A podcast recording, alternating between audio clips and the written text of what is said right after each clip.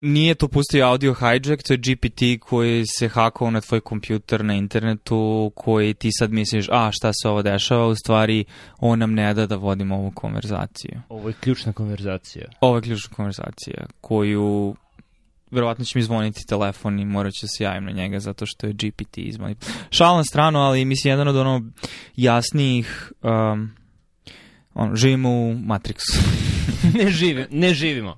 Ne živimo u Matrixu. Ne živimo u Matrixu, ali živimo u Matrixu u smislu e, sloju tehnologije sa kojim smo na određenom nivou kognitivno integrisani koja oblikuje naše I ta tehnologija postoji već neko vreme. Tehnologija postoji od, kada postoji jezik, da se ne lažemo, zato što jezik oblikuje i sužava i otvara mogućnosti, tako da... Vervekijeva u školu. Da, da, sigurno su ljudi... Mislim, ono što sam pokušao da razmišljati, znači ono kako su izgledali luditi koji su ono, kad su jezici počeli da se stvaraju, koji su bili protiv jezika kao ono veštaškog načina. Pa to je ono, protiv vatre. E, da, si normalno da, što da, to da, radiš, da, izgorećemo da, da, da, svi, da, nemoj. Da, da, da, da, ali svaka nova tehnologija koju, koju stvaramo, s strane nam omogućava nove stvari, a s druge strane nas čini zavisnom od nje. I na to je onaj odnos, znači, naše potencijalne slabosti. Uh, I na koji način sad ovaj novi talas um, otkrića u domenu velikih jezičkih modela i ove konkretno ove tehnologije, mislim, znači na eksponencijalno smo krivi stvari koje, ono, Turingov test je oduvan, znači više mm -hmm. nije mhm. dobar način da merimo inteligenciju, mm -hmm. to je ljudsku inteligenciju, ali I sad je samo jedan način kao ono, Transformer. Znači... Ali samo, samo pazi koliko je to pred ono dve, tri godine, pre godinu dana da ti neko kaže Turingov test gotovo je, to bi bilo wow. To, da, to je da. ve veliki, veliki miljokaz za čovečanstvo. Ali sada je ono, pa, Turingov test. Mislim, naravno, Turingov test. Šta? To je onako glup test. Pa da, mislim, ili se pomeraju, da, i, u, uskla, i onda sa tim onda pomeriš stative u smislu, ne, kada budem video da AI radi ovo, e, onda ću, i onda tri meseca kasnije se to desi, gde sad vidiš ono text to video generation koji se bukvalno sad dešava, mislim, neko je postoji mim kao Will Smitha koji jede špagete, koji izgleda vrlo onako Lovecraftovski u smislu, vrlo creepy, ali mogu da vidim prateći ono, ako extrapolation trajektoriju stvari, kako je GPT-1 izgledao, kako je GPT-2 izgledao, za šest meseci do godinu dana mogu da kažem da ćemo jako lako moći da ono ubaciš text prompt i da ćeš imati prilično realistične video snimke, s obzirom da imamo Mid Journey 5 koji je odnosno na Mid Journey 4 ili Mid Journey 3 koji je mnogo više struko bolji i bližimo se ono fotografskoj slič, uh, mislim ono identično se kaže, mislim izgleda identična fotografija. Uglavnom, Ideja toga, mislim, ideja koju sam teo da diskutujem između ostalih, možemo pričati o drugim stvarima, je u kojoj meri će uh, dolazak svega toga dodatno doprineti ono, manipulaciji nas samih, od strane nas samih, uh, Uh, jer algoritmi već ono manipulišu nama u smislu zaglaviš se u eho komori i neke svoje grupe na Twitteru misliš da to ukazuje na čitav svet, kada ukazuje na samo mali aspekt čitavog sveta, ali onda tu se da ti ponašaš na drugačiji način u stvarnom svetu i onda tu ima reperkusije na stvarni svet.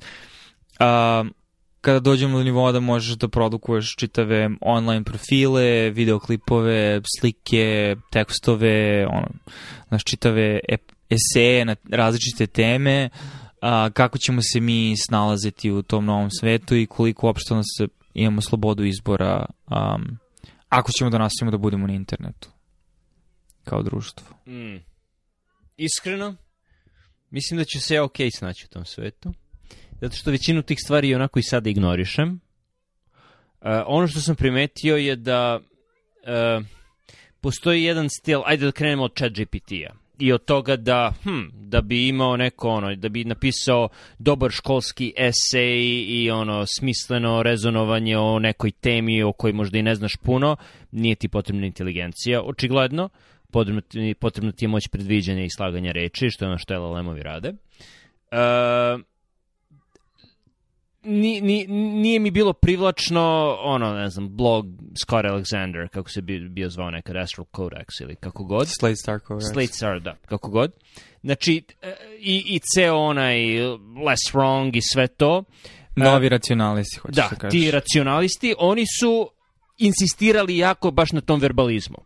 Znači, to su bile hiljade i hiljade reči o nekoj temi koje su mene iskreno zamarale jer vidiš kada prođeš kroz tih hiljadu i hiljadu reči da nema nešto puno, puno sadržaja iza toga. Ima par anegdota i nekih zanimljivih uh, eh, obzervacija, ali nema ničega uh, actionable, nema ničega što, što će da promeni tvoj način ponašanja ili tvoje razmišljanje čak.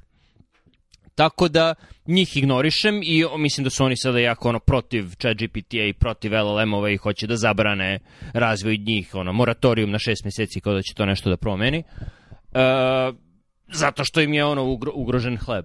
Zato što no. Da. su oni ono verbalisti. No.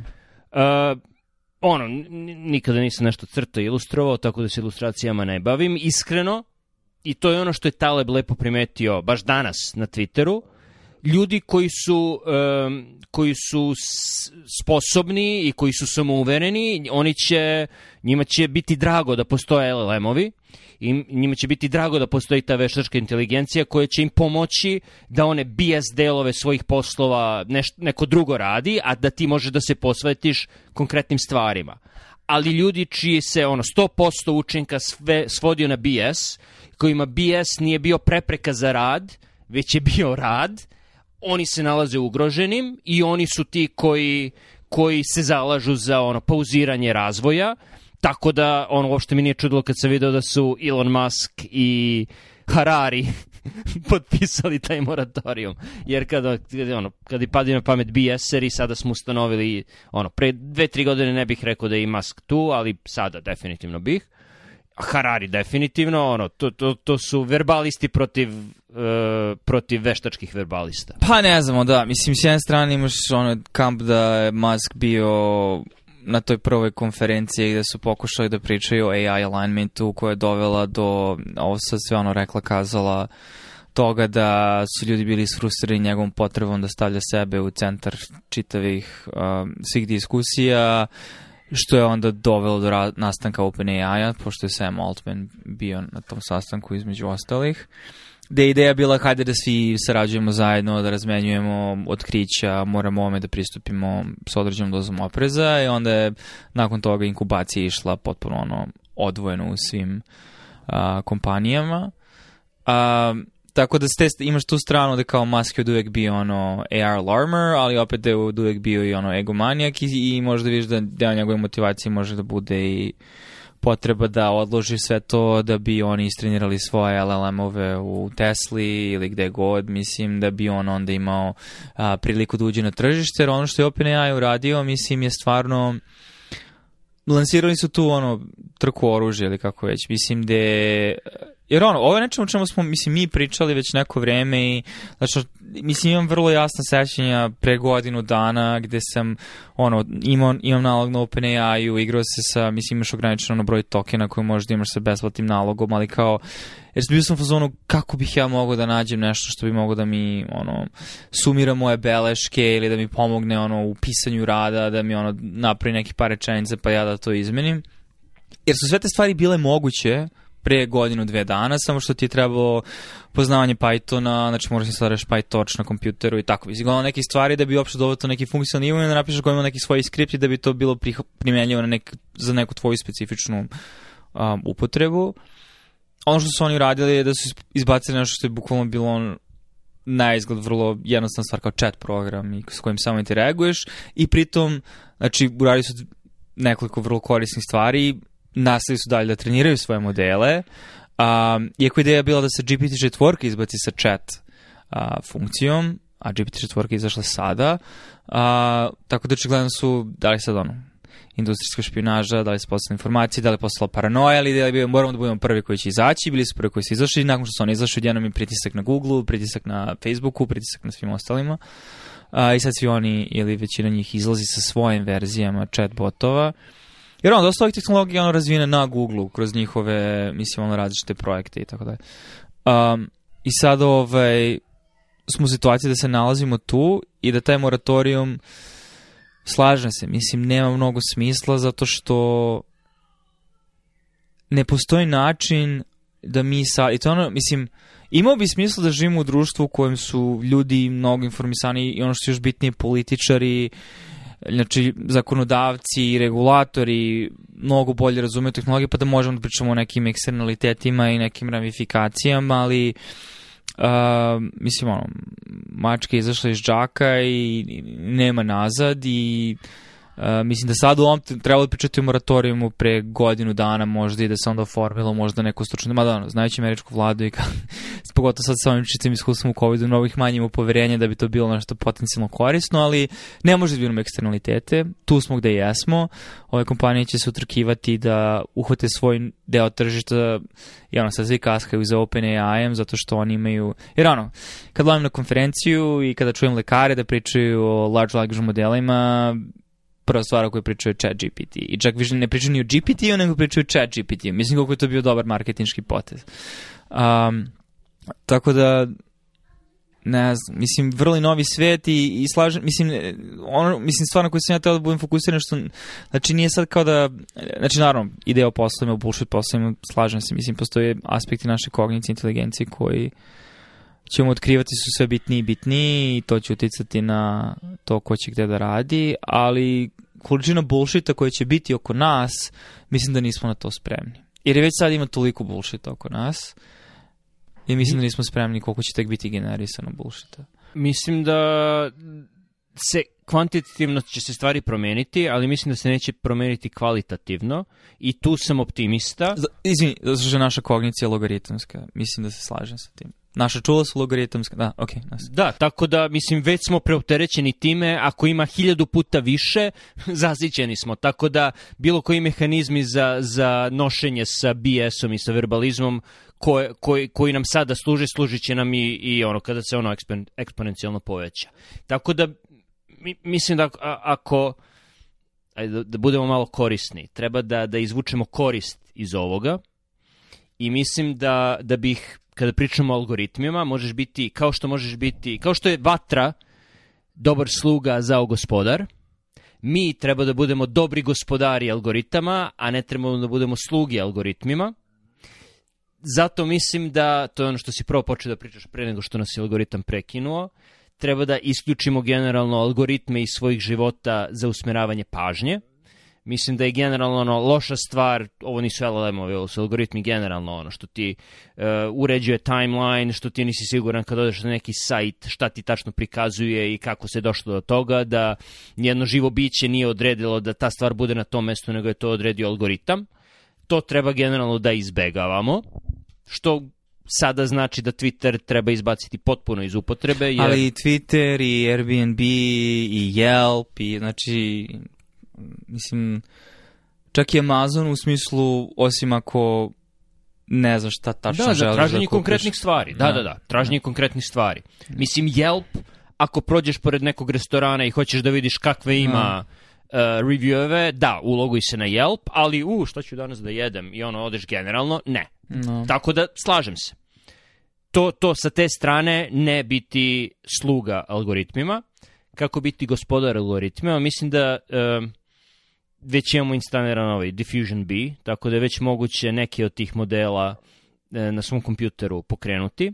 Dosta ljudi instalira za mene je previše komplikovano, ali moguće je istrenirati LLM svojim pisanjem ili pisanjem za koje si zainteresovan, tako da možeš neka pitanja da postavljaš koje su specifične za tvoje, svoje područje interesovanja. Ne znam, Dave Weiner je pisao o tome, on ima blog 25 godina, ubacio je chat GPT-u i ne znam čemu, GPT-4, ubacio je svoja pisanja u poslednjih 25 godina i sada ima mali bot sa kojima može da, da priča o onome o, o čemu je on pisao.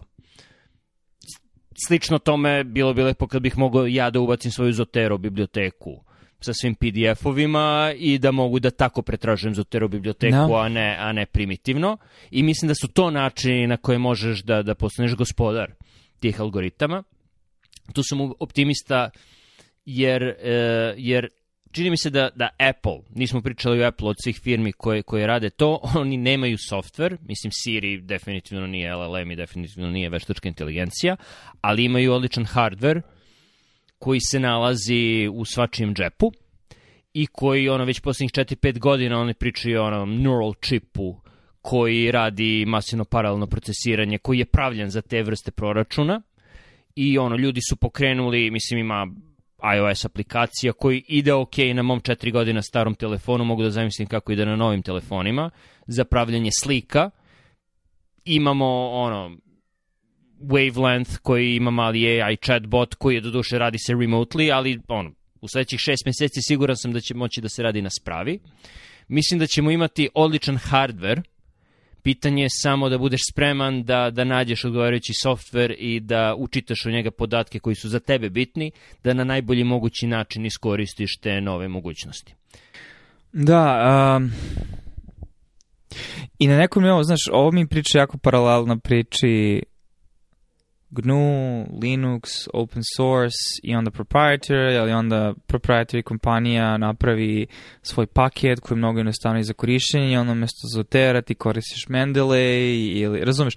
Ali ono što mislim da ove stvari razbijaju tu je što ćeš ti moći da kažeš slobodnim jezikom, hej, treba mi plugin, hoću da samo pretražujem PubMed i Google Scholar, ja se bavim istraživanjem u toj toj oblasti, ovo je moj login za Zotero, ovo su moji API-evi, učite i to u svoju bazu i da ti on napiše kod u kom god programskom jeziku, najvjerojatnije Pythonu, um, da se ti onda sve te stvari imaš lokalno na svojoj mašini, da samim tim ne upadaš u zamku da si ti deo nečeg biznis modela i da oni moraju da nađu način da generišu na tebi a, a, pare.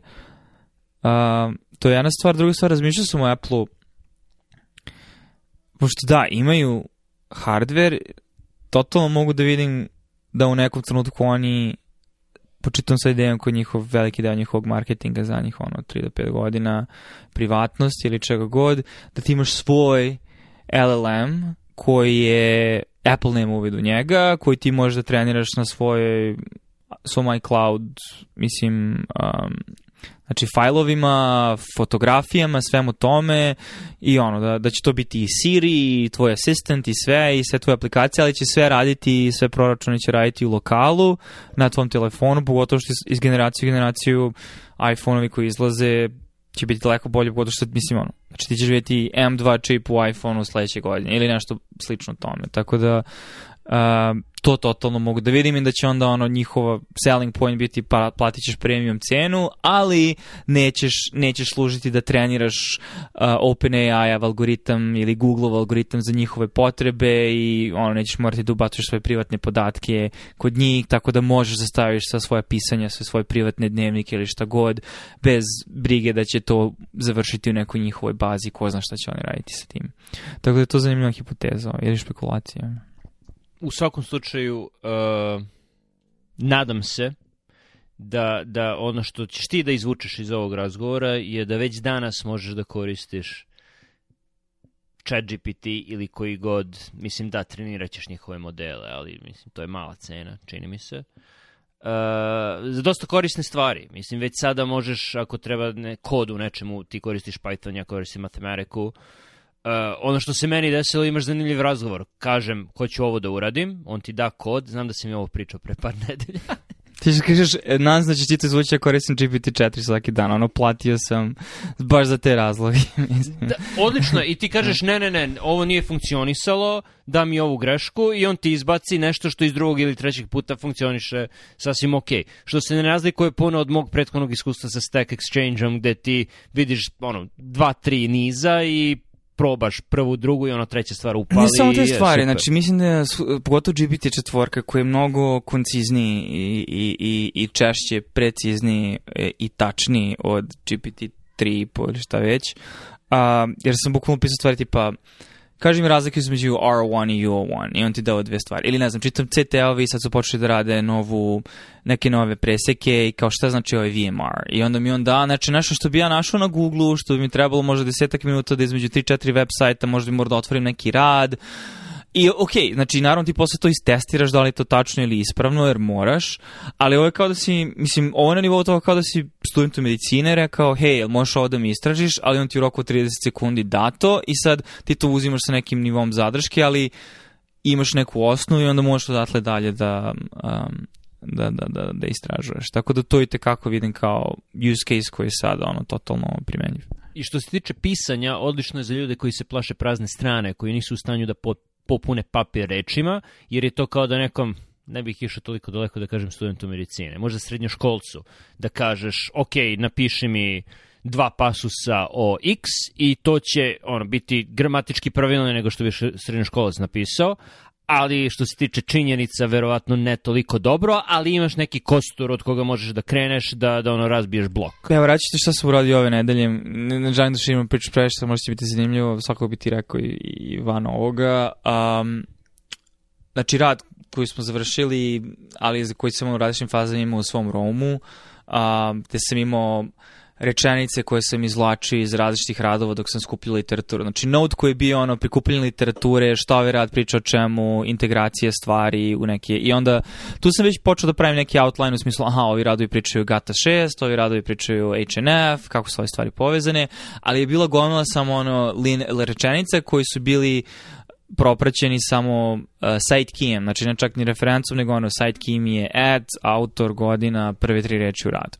Ja sam GPT-4 rekao um, These are my no e, ovo su moje beleške, um, obrati pažnju, ovo je moj site key u ovom formatu, molim te generiši citate bibliografiji, znači imajući to u vidu i znači ovo što što ću ti sada dati mi a, napravi outline i pritom sam rekao ti si ekspert u pisanju radova, pišeš radove, publikovao si u Nature-u, New Englandu, šta god. Ovaj, i onda sam samo pestao samo te svoje beleške u smislu linearnih rečenica i iskreno prilično sam bio dobro iznenađen u smislu prvog drafta, znači imao je ono pasose razdvojene koji su bili tematski razdvojeni, čak i ono neke stvari ispremeštao da prate linearni tok radova kada su publikovani i onda radovi koji su izašli kasnije je govorio subsequently, znači nakon toga smo otkrili, tako da kao, bilo tu mnogo više toga od samo ono kao proširit ću svaku tvoju rečenicu i naravno ti to možeš dalje dalje da edituješ i zavis... mislim mnogo toga je, pogotovo za GPT četvorka je stvarno drugo drugom nivou. Um, kako mu ti promptuješ i kako ga oblikuješ da bi dobio ono što želiš. I to će biti jedna od, mislim, bitnijih veština